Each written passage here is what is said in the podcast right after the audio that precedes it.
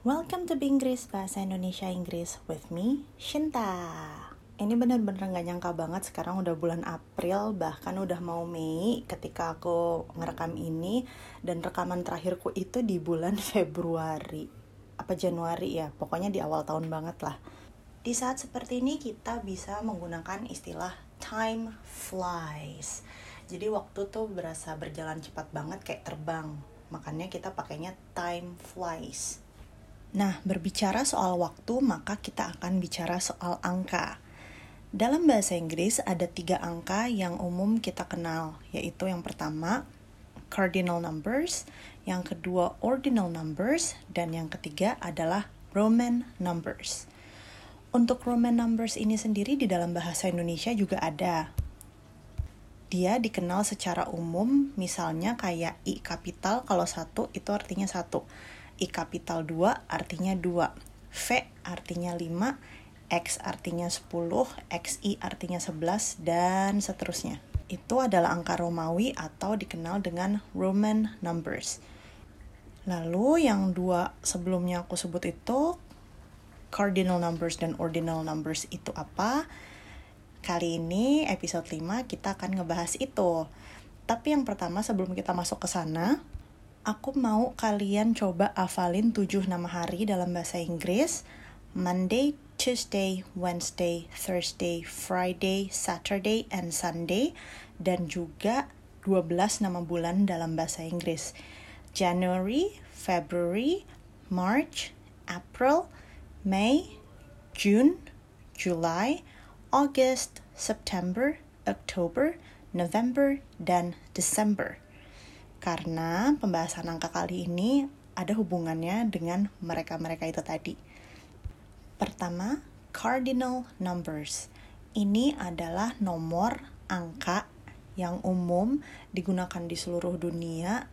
Maksudnya jadi di mana pun kamu berada, kamu tahu kayak yaitu satu, itu dua, itu tiga, dan lain sebagainya dalam bahasa Indonesia pun kita juga menggunakan itu.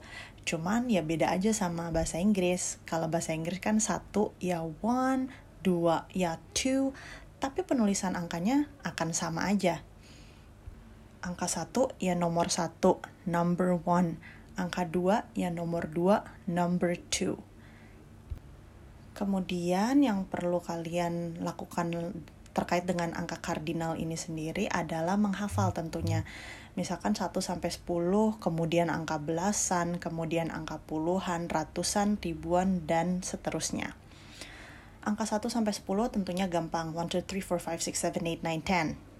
Kemudian angka belasan adalah angka-angka yang belakangnya teen kecuali 11 karena itu 11 dan 12 karena itu 12. Angka berikutnya adalah puluhan yaitu angka-angka yang belakangnya T, TY. Angka puluhan ini dimulai dari 20, 20, sampai dengan 99, 99. Angka berikutnya adalah ratusan yang dimulai dari 100 sampai 999, yaitu 100. Kemudian ada ribuan, yaitu thousand. Lalu ratusan ribu, yaitu menggabungkan 100 dengan 1000, jadi hundred thousand. Berikutnya ada juta, yaitu million, miliar, billion, triliun, trillion. Yang dulu itu aku susah bedain adalah uh, angka belasan dan angka puluhan karena bagaimanapun juga sound mereka itu mirip banget. Misalnya 14 dan 40. Dulu itu aku suka bingung 14 sama 40 yang 40 yang mana, yang 14 yang mana. Terus aku inget-inget 14 4 teen. Teen itu remaja artinya kan. Jadi aku bagi dua gitu 14 4 sama teen. Nah teen itu kan remaja artinya muda. Jadi aku pikir oh berarti angka-angka yang ada teennya ini adalah angka-angka yang lebih kecil. Puluhan sama belasan kan kecilan belasan kan? Jadi yaudah berarti oh berarti yang ada teennya ini adalah belasan jadi 40 itu yang 40, 14 itu yang 14. Dulu aku cara ngingetnya kayak gitu akhirnya sampai akhirnya yang lotok sendiri di kepala nggak perlu pakai rumusan gitu lagi. Nah, sekarang kalau yang namanya ordinal numbers adalah nomor-nomor yang kalau di Indonesia tuh kita punya kayak pertama, kedua gitu. Meskipun tulisannya satu, ketuhanan yang maha esa. Itu kan bisa kita bisa baca itu nggak sebagai satu tapi sebagai pertama, sila pertama gitu. Jadi itu adalah membahas urutan. Nah, untuk membahas urutan di bahasa Inggris itu kita menggunakan si ordinal numbers Pernah lihat nggak kayak 1 ST, 2 ND, 3 RD, 4 TH? Aku pertama kali bersentuhan dengan angka-angka itu adalah ketika masku atau kakakku yang cowok itu main Sega, main game. Nah, di situ kan biasanya ada posisi-posisi dia setelah nyelesain misi ada di posisi keberapa.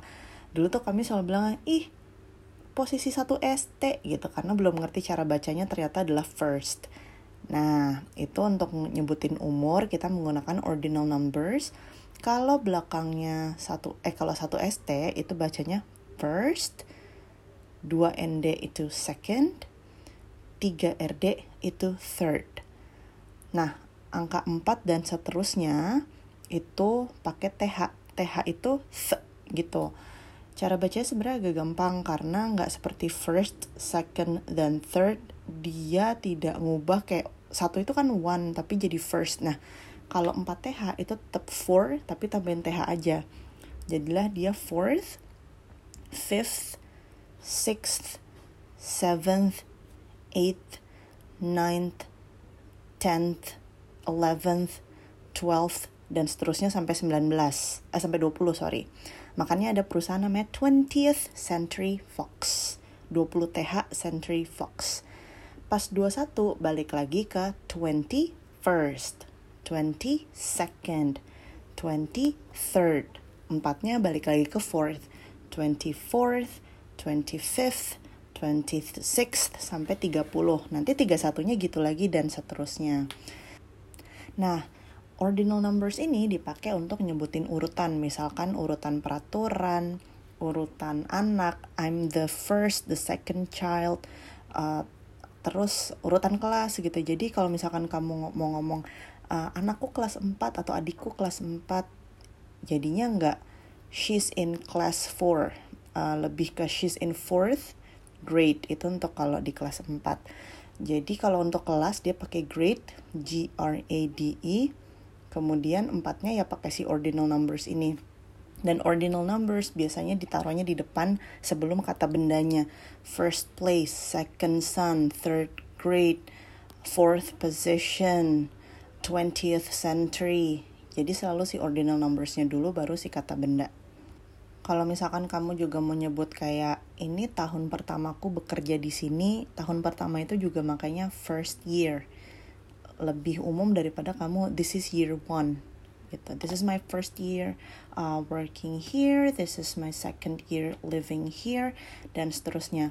Pokoknya si ordinal numbers ini dipakai untuk berbagai macam rupa posisi atau urutan.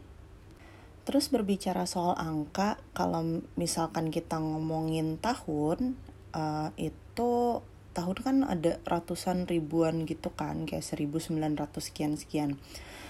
Nah, sebenarnya kalau kita belajar angka dengan benar kan kayak misalkan 1998 gitu misalnya.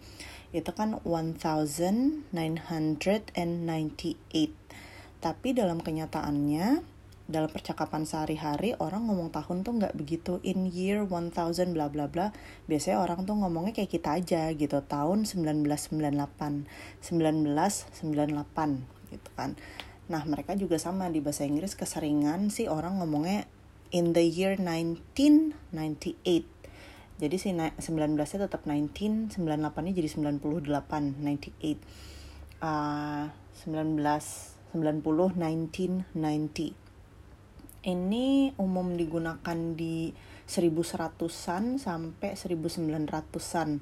Uh, eh sorry, sampai sampai oh ya karena tahun 2000 biasanya mereka sebenarnya 2000 uh, 2001 2002 nanti pas udah uh, di atas 2010 biasanya ngomongnya udah bukan 2011 kadang suka ada yang ngomong 2011 meskipun 2011 itu sendiri masih rada umum dipakai gitu. Yang nggak disingkat itu tahun-tahun ratusan karena emang ya tahun 700 ya year 700 nah terus kalau perkara angka lagi kalian pernah dengar nggak sih pakai k gitu? Jadi kayak satu k itu artinya seribu. K ini maksudnya adalah kilo jadi 1k adalah seribu. Kilo itu adalah 000 seribu. Gitu. Jadi seandainya kalian lihat 500k itu artinya 500k atau 500 kilo. Tapi kalau misalkan dalam nyebutin uh, harga atau bukan harga angka uh, uang gitu, untuk ribu sendiri yang sangat umum digunakan setidaknya di Amerika yang aku tahu, correct me if I'm wrong, itu adalah grant jadi kayak misalkan 5 grand itu artinya 5000, 500 grand artinya 500 ribu. Dan itu commonly accepted gitu. Maksudnya ketika kamu ngomong itu orang sana ngerti semua. Oh maksudnya adalah ribu. Jadi kamu bisa ngomong uh, pakai kilo, kamu bisa ngomong pakai grand. Tapi sekali lagi kalau ngomongin uang biasanya pakai grand. Nah, kalau ngomongin tanggal, makanya tadi di awal aku bilang untuk ngafalin bulan dan hari karena ngomongin tanggal juga kita menggunakan ordinal numbers. Misalnya tanggal ulang tahun, tanggal anniversary, tanggal apa pun lah. Dalam ngomongin tanggal, kalau di bahasa Indonesia kan kita mulai dengan tanggalnya, kemudian bulannya, baru tahunnya. Nah, kalau di bahasa Inggris umumnya itu adalah bulannya dulu, baru tanggalnya pakai ordinal numbers, baru tahunnya. Misalnya tanggal ulang tahun aku dan Nicholas Saputra itu di 24 Februari, maka disebutnya February 24th. February 24th. Nah, kalau ditulis dalam angkanya aja, nggak pakai, jadi bulannya ditulis dalam angka juga. Kalau di kita kan jadi 2402 atau 242. Kalau di bahasa Inggris menjadi 0224, karena bulannya dulu.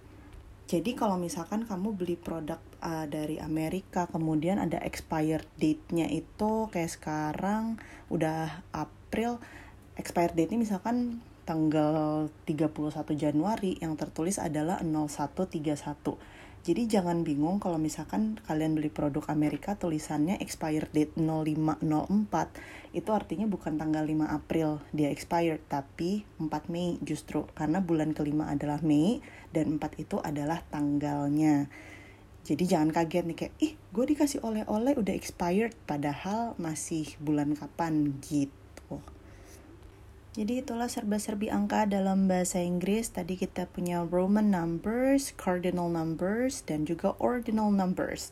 Dihafal aja, menurut aku ini nggak terlalu banyak kok yang harus dihafalin kayak gini. Dan dicoba dilatih supaya kamu kebiasaan. Oke, okay, that's all for today. Semoga membantu. Kita ketemu lagi di percakapan selanjutnya. Have a good day or have a good night. Bye.